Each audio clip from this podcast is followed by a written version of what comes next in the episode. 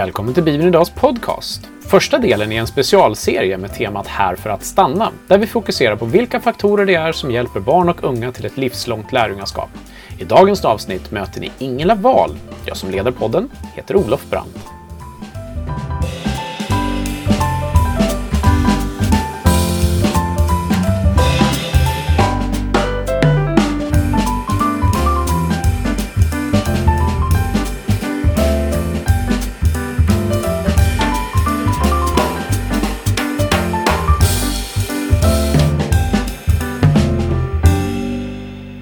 Då var ni varmt välkomna tillbaka till Bibeln Idags podcast. Och idag så, via teknikens under, har jag kopplat upp mig och med i podden idag är Ingela Wahl. Välkommen! Tack! Coronasäkert skämtade vi om innan vi drog igång inspelningen. Var sitter du någonstans? Jag sitter i Borås, hemma hos mig. Vi ska ju ha en serie här nu i podden där vi återkommer till tio stycken byggstenar i bygget som hjälper barn och unga till en livsång, livslångt lärjungaskap, eller Här för att stanna som projektet också kallas. Och, eh, du är ju faktiskt först ut i den här serien, eh, Ingela, för att eh, vi kommer att ägna de två första poddarna åt att prata om de två grundstenar som har visat sig i forskning och i våra intervjuer vara särskilt viktiga när det gäller en ung människas eh, trosutveckling. Och idag ska vi prata om familjen. Men innan vi kommer till ämnet fullt ut så tänkte jag vi skulle börja, för de som inte vet vem du är, vem är Ingela Wahl? Ja du, vem är jag? Eh, jag ehm, är gift med Lars-Gunnar och har fem barn. Och har sedan 30 år tillbaks nästan nu jobbat med Kings Kids här i Sverige. Och även eh, internationellt. Vad vill du veta mer? Ja, Kings Kids kan vi börja med. Vad är, vad är Kings Kids för den som inte har hört talas om Kings Kids? Ungdom med uppgift, UMU, är, är en internationell rörelse, en missionsorganisation. Och Kings Kids är en gren utav det som vänder sig till barn, unga och familjer. Och eh, ja, men mycket handlar om att eh, barn tidigt i livet kan få egna erfarenheter av vem Gud är, få lära känna honom personligt. Och att det vi jobbar, allt vi jobbar med där, har det som utgångspunkt, kan man väl säga. Så du har helt enkelt jobbat med barn och familj i många år nu? 30 år med Kings Kids, men innan dess så jobbade jag med barn på många olika sätt eh, tidigare också. Från det man var 12 år har jag varit söndagsskollärare och så scoutledare och hela det där som allt det här. Från 12 säger du? Och sen- vad, vad var, kommer du ihåg vad det var som gjorde att du hamnade som ledare redan då? Eh, nej men det var när man själv växte ur söndagsskolan och så. Jag kommer inte ihåg riktigt varför jag fortsatte men eh, det var rätt naturligt tror jag. Eh, att få fortsätta och bara hjälpa Ja. till. Du blev uppfångad helt enkelt och blev medhjälpare där? Ja, Ja, just det. precis. precis. Jag är ju uppvuxen i en eh, kristen församling. Kommer du själv ihåg något sånt där avgörande tillfälle när du liksom tog ett steg och, och valde att säga nu är jag en, en kristen? Eller som du sa, du är uppväxt, uppväxt i en kristen församling. Men hade du något sånt här avgörande ögonblick som du vänder åter till? Nej, det har jag faktiskt inte. Eh, däremot så har jag att vi hade en ungdomsväckelse när jag kom upp lite, så här vid 13 tror jag det egentligen började. Och eh, då var det många som kom till tro och då blev jag lite avundsjuk på dem att de hade en sån, eh, ja men de hade ju en väldigt fräsch eh, syn på sin gudsrelation. Och det startade någonting i mig som gjorde att jag sökte djupare och ville mer. Och jag hade många utav dem liksom som lite förebilder under några år där. Så det betyder mycket för mig att få se dem och deras gudsrelation. Men jag har ingen sen punkt liksom som har, utan det var mer en eh, längre, lite längre tid Mm. som påverkade mig. Fast jag vet också att även innan detta så hade jag en genuin eh, gudslängtan som eh, ja, jag inte riktigt vet var den kom ifrån mer än att den fanns. Nej. Anledningen till att vi jobbar med de här frågorna är ju att vi ser när vi pratar både med unga människor men också med, med församlingar är ju att det är en hel del, med, en hel del barn och unga som har kommit till tro och som har liksom börjat vandringen med Jesus som, som lämnar. Och det är därför som vi har valt att kalla satsningen för Här för att stanna. Om du ser tillbaka över ditt liv, vad, vad skulle du säga är viktiga viktiga delar i vad det är som har gjort att du blev kvar i tron? Vad har det liksom varit som har varit viktigt för dig personligen? Eh, jag är från en familj där vi var fyra syskon, eller är fyra syskon. Och eh, min äldsta syster hon hade väl egentligen lämnat kyrkan innan den här ungdomsväxeln började och mina yngre de var så pass mycket yngre så den han, han växa ur kyrkan, om man kan säga så, innan de kom. Och det har påverkat mig väldigt mycket. Att det bara är jag som har gått vidare i tron. Och eh, jag tror att det har varit en av grundbultarna till att jag hållit på med detta under alla år. Att eh, det har varit en grundfråga för mig så här. Hur överför man liv till nästa generation? Mm. Och i början så var det att jag själv jobbade väldigt mycket bland barn och eh, i alla möjliga sammanhang och även med Kings Kids. Men sen så har Gud utmanat mig vidare. Det första steget var att eh, själv vara med och utrusta barnledare. Så att inte bara jag själv liksom gjorde jobbet utan utrusta andra också att göra det. Men sen så utmanar Gud mig vidare. Nej, det är inte det utan det här måste in i familjen. Mm. Och eh, att det är där som eh, Gud verkligen vill beröra barnen redan där. Så jag har varit på en liten vandring kan man väl säga. Vi, vi kan ju se i den forskning som vi har gjort i, här för att stanna att, och, och, det här bekräftas ju från många håll såklart, och man, jag tror att man kan nästan bara man tänker till förstå det. Att om man finns i en kristen familj, i ett kristet sammanhang och där vi, det jag menar med kristet är ju någonstans där tron blir levande, inte bara att man kanske eh, går i kyrkan en gång om året utan där det finns bön och det finns bibelläsning och så vidare. Eh, sannolikheten att man stannar i tron som en som har vuxit upp i en sådan miljö, en sådan familj, eh, blir väldigt mycket högre. Det, blir, det är mer troligt att man stannar. Va, vad tror du att det var, varför tror du att det är så? Jag menar, tron är ju ändå många gånger någonting som är ett personligt beslut och, och så vidare. Man behöver göra tron sin egen, får man ofta höra. Varför är då familjen viktig? Ja, men eh, tro handlar ju inte bara om eh, någonting man gör på söndagen. Utan tron handlar ju om vardagslivet. Och om jag ser att tron är verksam i vardagslivet. Eh, jag ser mina föräldrar, alltså barn, de eh, ser ju sina föräldrar, de smittas ju rätt så mycket av föräldrars värderingar och föräldrars syn på livet och, och, och deras eh, ja, världsbild helt enkelt. Och om då föräldrarna lever med tron i vardagen, då blir det rätt så naturligt för barnen att förstå att ja, men det här gäller det här gäller hela mitt liv. Mm. Och då tror jag att det kan bli mer genuint än vad det blir om det bara är någonting man gör en dag i veckan eller så. Hur tänker du om man ser en, en, en vanlig familj i Sverige då idag? Vi tänker oss en, en familj som Ja, och det ska vi kanske säga här när vi säger familj. Man, det, det blir lätt att man bara tänker liksom den här klassiska eh, mamma, pappa, två barn, villa, Volvo, vovve grejen. Utan det är ju såklart alla, eh, även frånskilda eller vårdnadshavare av olika slag. Det, vi äh, tänker ju in alla dem i det här. Där den person hemma hos vem som, där barnet växer upp helt enkelt.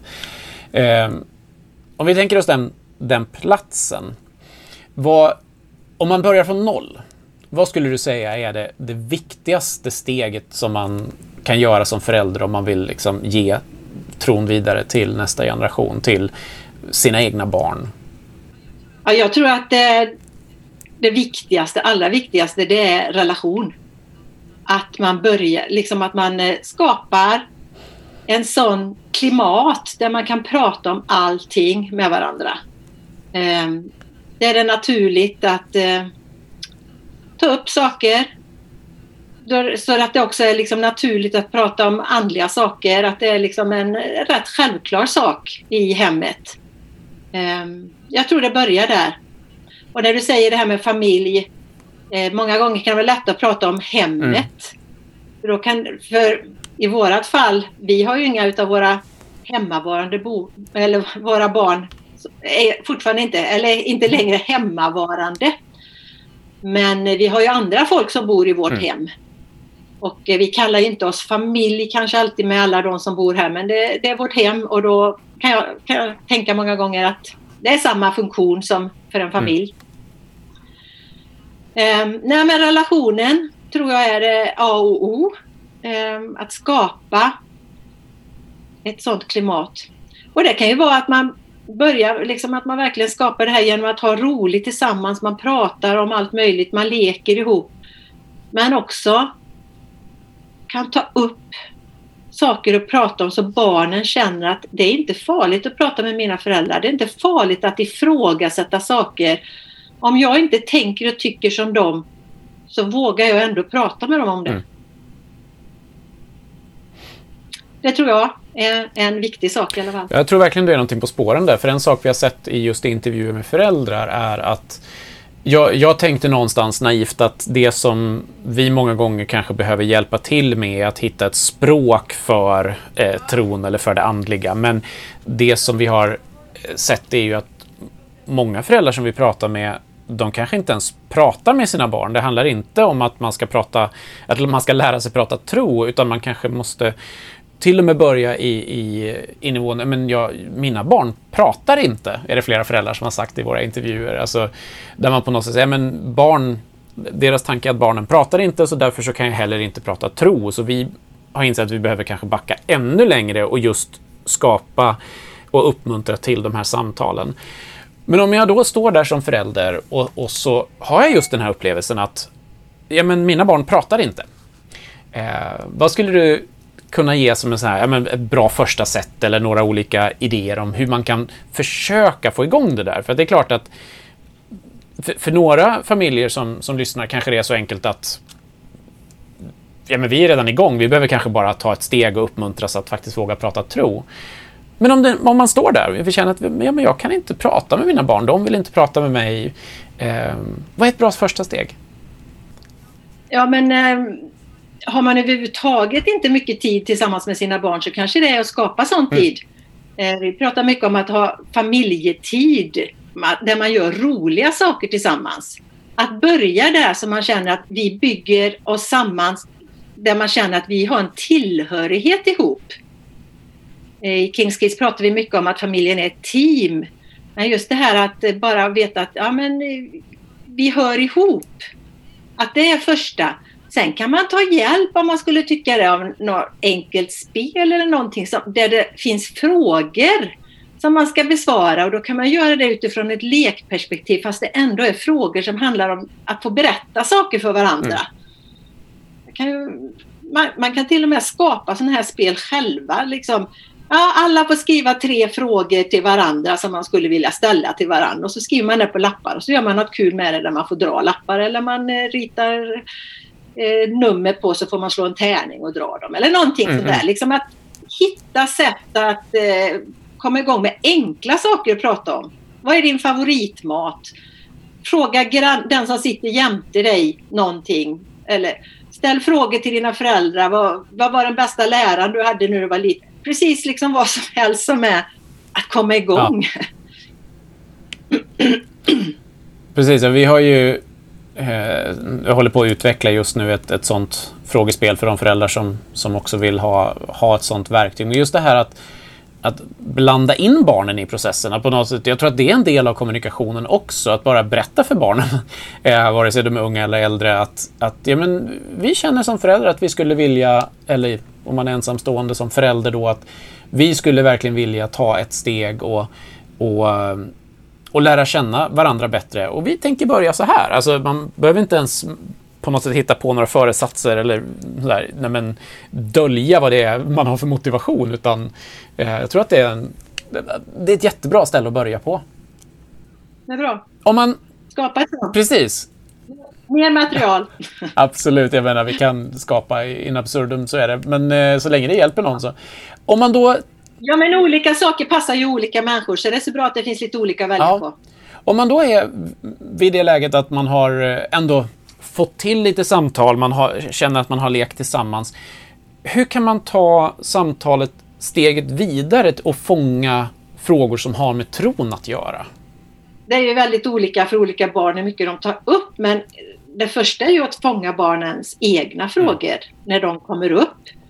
Eller när man känner att det är någonting som händer som man känner att ja, men här skulle jag kunna föra samtalet vidare eller föra in det på någonting för att någonting har hänt. Så är det ju väldigt mycket att vara rätt så öppen och flexibel för när, när tillfällena dyker upp och ta vara på det i, i, i flykten så att säga. Det är ju en sak. Eh, och då märker ju barnen också att eh, man kan prata om det här när som helst och var som helst. Eh, men också då när saker händer och sker. Men, eh, ta tillfället i akt och be för saker som händer i vardagen. Eh, och se det som en naturlig sak att vi kan be för saker som händer och sker. Det kan vara saker som barnen är, är med om i skolan eller det kan vara människor runt omkring oss. Det kan vara omständigheter som vi vill att Gud är med och, och påverkar. Liksom det, att man tar tillfällen i flykten och verkligen drar med sig barnen i det här också mm. då. Ja, jag tänker det också när, när det gäller just det här. Det där första steget kan ju vara lite tufft att ta. Att, särskilt om man inte har gjort det aktivt i familjen. Att, ja men hörni, ska vi be för det där? Eh, men det är som med mycket annat att om man provar en gång och sen kan man prova en gång till och sen så med tiden så känns det också naturligare. En sak vi har märkt är ju att föräldrar kanske inte har världens bästa självförtroende vad det gäller det här. Ja, men vad ska jag svara när mina barn kommer med svåra frågor? Eh, vad tänker du om det? Det är väl inte bara barnen som har svåra frågor. Vi har väl också svåra frågor som vi inte kan svara på alltid. Nej, men ibland får man säga, jag vet inte det. Men vi kanske kan eh, undersöka det tillsammans. Mm. Och eh, så kan man försöka hitta sätt att undersöka det på helt enkelt. Bibeln är ju något som vi önskar, eller nu utgår jag från någonting som kanske inte är så för alla, men för min egen del har det varit så att Bibeln har jag önskat att mina barn skulle få med sig att det är verkligen någonting att bygga sitt liv på. Och då vill man ju också liksom, hur kan jag hitta, vad, vad står det i Bibeln om det här mm. då? Det kanske är något vi kan utforska tillsammans. Vi kan ta reda på så mycket vi kan i alla fall. Och sen kan vi fråga någon annan om mm. råd.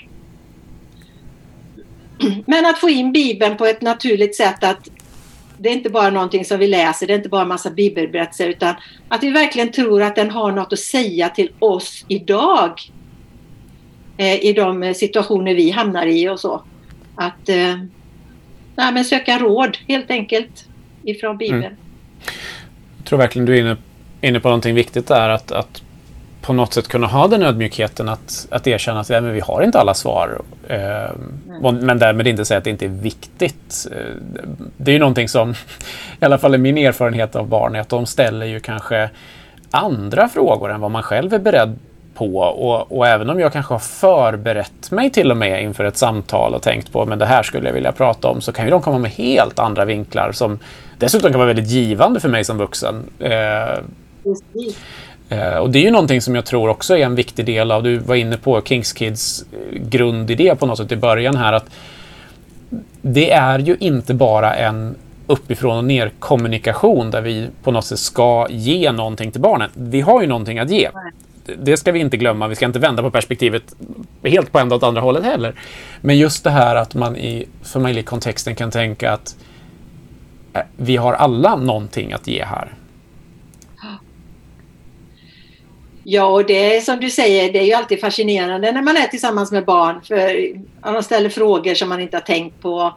Och för dem är det ju väldigt naturligt om, de är, eh, om man från början när de är små lär dem att ja, men vi kan be för allting. Det är ju väldigt naturligt, väldigt självklart. Och, och för dem att, att Gud liksom kan gripa in, det är ju en väldig självklarhet mm. i det. Så det, det, det uppmuntra, kan ju många gånger uppmuntra ens egen tro mm. alltså. Att eh, dra med barnen och vara nära barn och, och, så här. Jag tänker vända perspektivet fullständigt här nu, för nu har vi pratat väldigt mycket om hemmet i sig. Eh, men många som lyssnar på den här eh, podcasten arbetar ju i församling, antingen som frivillig eller som till och med anställd. Många jobbar med barn och ungdomar och sådär. Eh, vad, när, när, vi tittar på på hur församlingen arbetar, så det är klart det är olika olika församlingar och sådär, men en av de saker som vi har sett i Här för att stanna är att det är inte alltid så att det finns ett givet samarbete mellan församlingen och hemmet. Annat än att man kanske skickar hem någon uppgift då och då. Eh, vad tänker du om relationen församling-hemmet? Alltså hur, hur tänker du att den idealt sett ska se ut för att man ska komma så långt som möjligt för ett barns andliga utveckling, om vi säger så? Ja, det första kanske är att eh, församling och, och eh, församlingsledning förstår vikten med hemmets roll. Ehm, så man inte tänker... Om man, om man ser tillbaks historiskt så, så är ju detta något som från början var en självklarhet men så har det liksom sakta men långsamt och säkert lämnats över till församlingen att eh, ansvaret för barnens andliga fostran eller vad man ska kalla det har hamnat på kyrkan helt och hållet. Mm. Och eh, jag tror att det första är att man faktiskt förstår att nej men det är eh, hemmets roll och föräldrarnas roll. Det är ett mandat som Gud har gett. Och då blir församlingens roll att stötta detta och eh, supporta föräldrarna i sin roll. Och, och, så. Det finns en bra titel på en bok som är It takes a church to raise a parent. Och den tycker jag är rätt bra. Liksom att församlingen har verkligen en viktig roll men väldigt mycket är i att supporta föräldern i dess mm. roll. Jag, förälder, jag sa församlingen va? Församlingen har en viktig mm. roll. I att supporta föräldrar. Ja, det är Rachel Turner har skrivit boken för övrigt. En väldigt bra bok. Precis. Uh, men här är ju någonting som är ganska utmanande tänker jag. Alltså, i, inte i många fall, men i, i, i i många församlingar i alla fall så är det ju så att vi har ändå anställt, eh, i Svenska kyrkan definitivt, men också i andra församlingar så har man ändå anställt människor som ska ha ett ansvar för barn och framförallt ungdom kanske. Eh, och om man som förälder då kommer med sina barn till eh, söndagsskola eller ungdomsgrupp eller vad det är Eh, och, och, kanske till och med på något sätt andas ut. Man har gjort sitt som förälder när man ändå har fått dit dem till, till kyrkans verksamhet. Nu har jag lyckats med mitt uppdrag i någon mening, för det är ju ändå det som... Nu har jag fått dem till kyrkan. Eh, och jag tror att vi kanske till och med som församling på något sätt har i många fall gått med på den bilden. Vi kanske till och med uppmuntrar den ibland. Vi, vi har mött lite grann i våra undersökningar eh, ungdomsledare som säger att eh, Ja, nej men vi har egentligen ingen, ingen relation till föräldrarna för att tänk om de skulle vilja, vilja säga någonting. Tänk om de skulle vilja lägga sig i arbetet. Eh, vad, vad tänker du om, om ungdomsledaren eller familjepastorn eller eh, pedagogens roll gentemot föräldrar där? Alltså hur, hur, hur tänker du att man skulle behöva jobba där om man nu ska vara den här stöttningen som du nämner? Ja, alltså här tror jag och känner lite som att här är vi lite på ny mark i, i, i kyrkan och i, i den skede som är att vi behöver väl hitta lite här hur man gör mm. helt enkelt. Hur man bäst stöttar föräldrar och så. Um, jag tror att en roll som kanske egentligen inte är varken barn eller ungdomsledares, det är ju att uh, att föräldrarna själva får bli trygga i sitt lärjungaskap. Mm. Och det är ju liksom kyrkans roll verkligen. Det är ju det för oss alla. Men att eh, föräldrar tror jag kan behöva ytterligare lite förstärkning i detta i sitt eget lärjungaskap. För att känna att man eh, har något att stå på för att ta med sig sina barn i en vandring. Men det, alltså om man säger att hemmet är det viktigaste så betyder inte det att eh, den här gruppen man möter i kyrkan med barnen eller med ungdomarna inte är viktiga. Nej. Jag tror att man behöver sina jämngamla också. Speciellt när man kommer upp i tonåren. Mm. Nej, men om man pratar om barn och ungdomsledares roll. jag vet inte om jag har så jättemycket tydliga svar på vad, hur kan de stödja föräldrarna i sin roll och vad, vad, hur gör vi? Jag, jag, tror att här måste vi på något vis eh, söka oss framåt tillsammans. Mm. Och alla som hittar bra sätt, sprid dem till varandra. För, för jag tror att vi behöver helt enkelt vara lite pionjärer nu och, och finna ut hur, hur går vi mot att, att eh, ja, lämna över mer och mer utav ansvaret till föräldrarna. Mm. Men att kyrkan hela tiden verkligen ska finnas med och stödja detta. Jag tror att det är Rachel Turner som, eh, som hade skrivit boken som du precis nämnde som eh, eh, nämner en bild som man ibland använder när man pratar om församling och föräldrar. Hon nämner bilden som eh, en roddbåt.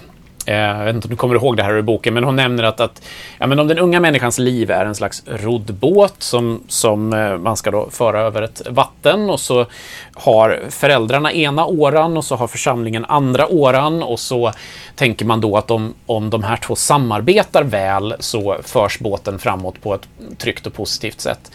Eh, och hon försöker utmana den bilden och det, det tror jag är ganska nyttigt att göra. Jag tror att som församlings anställd framförallt, eh, men även frivillig, så, så är hennes utmaning ganska, ganska bra. För det hon säger där, det är att det vi gör, otjänsten vi gör oss när vi använder en sån bild är att vi får känslan av att familjen och församlingen har lika mycket att säga till om, är lika starka. Eh, Medan det kanske är så i all forskning när vi tittar på vad som påverkar mest så, så ligger ju familjen och föräldrarna i absoluta toppskiktet i hur mycket man har möjlighet att påverka.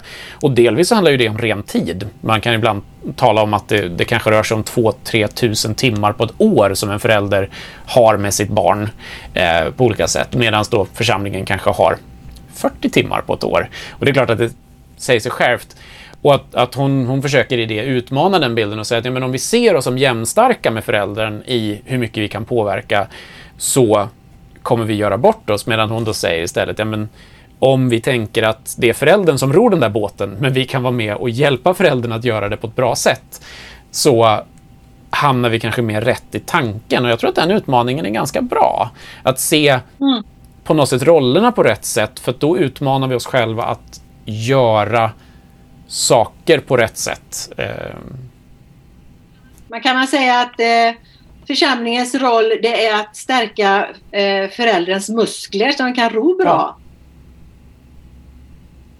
Nej men absolut. Och där, där behöver vi kanske ja, jobba mycket på hur, hur gör man detta på ett eh, sätt som gör att föräldrarna känner sig eh, frimodiga i att dela tron med barnen. Mm. Många föräldrar vet jag ju känner liksom, ja men nu har vi börjat prata om de här sakerna och då känner de väldiga krav på sig och känner att det här är ju jättejobbigt och nu ska det vara en ny sak och liksom så här. Men det jag tänker där är att om tron är en realitet i mitt eget liv och, och verkligt för mig som inte är liksom en, en programpunkt eller något då tror jag att det blir rätt så naturligt att jag vill dela med mig. Jesus uppmanar oss överhuvudtaget att dela med oss av vår tro. Om vi då kan göra det till våra barn och då bara blir det ett naturligt flöde. Då blir det inte liksom en sak som ska göras utan då blir det mer ja, något naturligt som kommer från livet. Och där tror jag att vi behöver stärka föräldrar idag. Mm. Eh, att liksom bli mer, få en egen, vad säger jag, tro som, som eh, är bärkraftig mm. på något sätt. Vi kommer ju ha en serie på tio poddar här när vi pratar om alla de här byggstenarna och alla på något sätt grundar sig då i familjen och även nästa podds ämne, det vill säga relationer över generationsgränserna. Men när man tittar på alla de byggstenarna så ser man ju att en rad av de byggstenarna det har till exempel att göra med att få tjäna, alltså att få utlopp för sina gåvor i församlingen. Det handlar om Ehm, att eh, få mentorskap från andra som har vandrat före, eh, kommit längre på vandringen och det är en, det är en rad olika sådana här punkter. Och det finns ju någonting olyckligt här som har att göra med det du precis nämnde i det att i svenska samhället just nu så kommer du kanske, den vanliga vandringen på något sätt är att du går ifrån tonårsgruppen då, där du har ganska mycket input i någon mening. Du kanske engagerar dig i din församling. Du, så här, den klassiska bilden liksom. Sen blir du ung vuxen. Då finns det mycket fortfarande för dig på många ställen, även om du kanske kan, hamnar i andra sammanhang med studentkyrka eller eh, vad det nu kan vara. Men sen händer det ju någonting när man blir barnförälder, att man liksom på något sätt fokuserar så på sin egen... Så man, ja, men då är det den tiden då man kanske inte går lika mycket i kyrkan för man kommer inte iväg. Man kanske inte träffar lika många av de gamla vännerna för, för eh, att ha bönegrupper eller annat. Och när man på något sätt som förälder då kapar av många av de här tidigare starka relationsbyggande delarna så blir heller inte flödet vidare till barnen lika naturligt. Så att just det här tror jag, som du nämner, att, att verkligen satsa på förälderns egen andliga utveckling är att hjälpa barnen med sin, för att föräldrarna kan få ett tryggare, lugnare flöde. Så att, att hitta hur man är aktivt kristen trots att man har blivit barnförälder är för mig en av de stora eh, frågorna i det här. Ja, det är väl en av de situationerna där man verkligen behöver Jesus i vardagen. Det var väl när man fick barn som man upptäckte att man inte var så helig som man trodde. bra för helgelsen brukar vi säga, eller hur? Ja, det är bra för helgelsen. Ja, precis. Nej men, eh, nej, men det är ju sant det du säger. så. Men eh, vad man kan göra i det läget är ju att eh, utbilda föräldrarna eh, till, i föräldraskap helt mm. enkelt. Mm. Vi, vi, hade i vår församling för tre år sedan här, vi pratade om att ja, men när man ska döpas då går man dopskola, när man ska eh, gifta sig, ja, men då har man äktenskapsskola. Men vi, vi barnvälsignar ju hos ja. oss och vi har ingen barnvälsignelseskola. Utan då skapade vi ett nytt, eh, vi kallar den för Ge det vidare. Det var bara tre kvällar. Men det var för föräldrar liksom. Eh, för att stärka deras egen tro i att kunna ge vidare till sina barn då. Mm.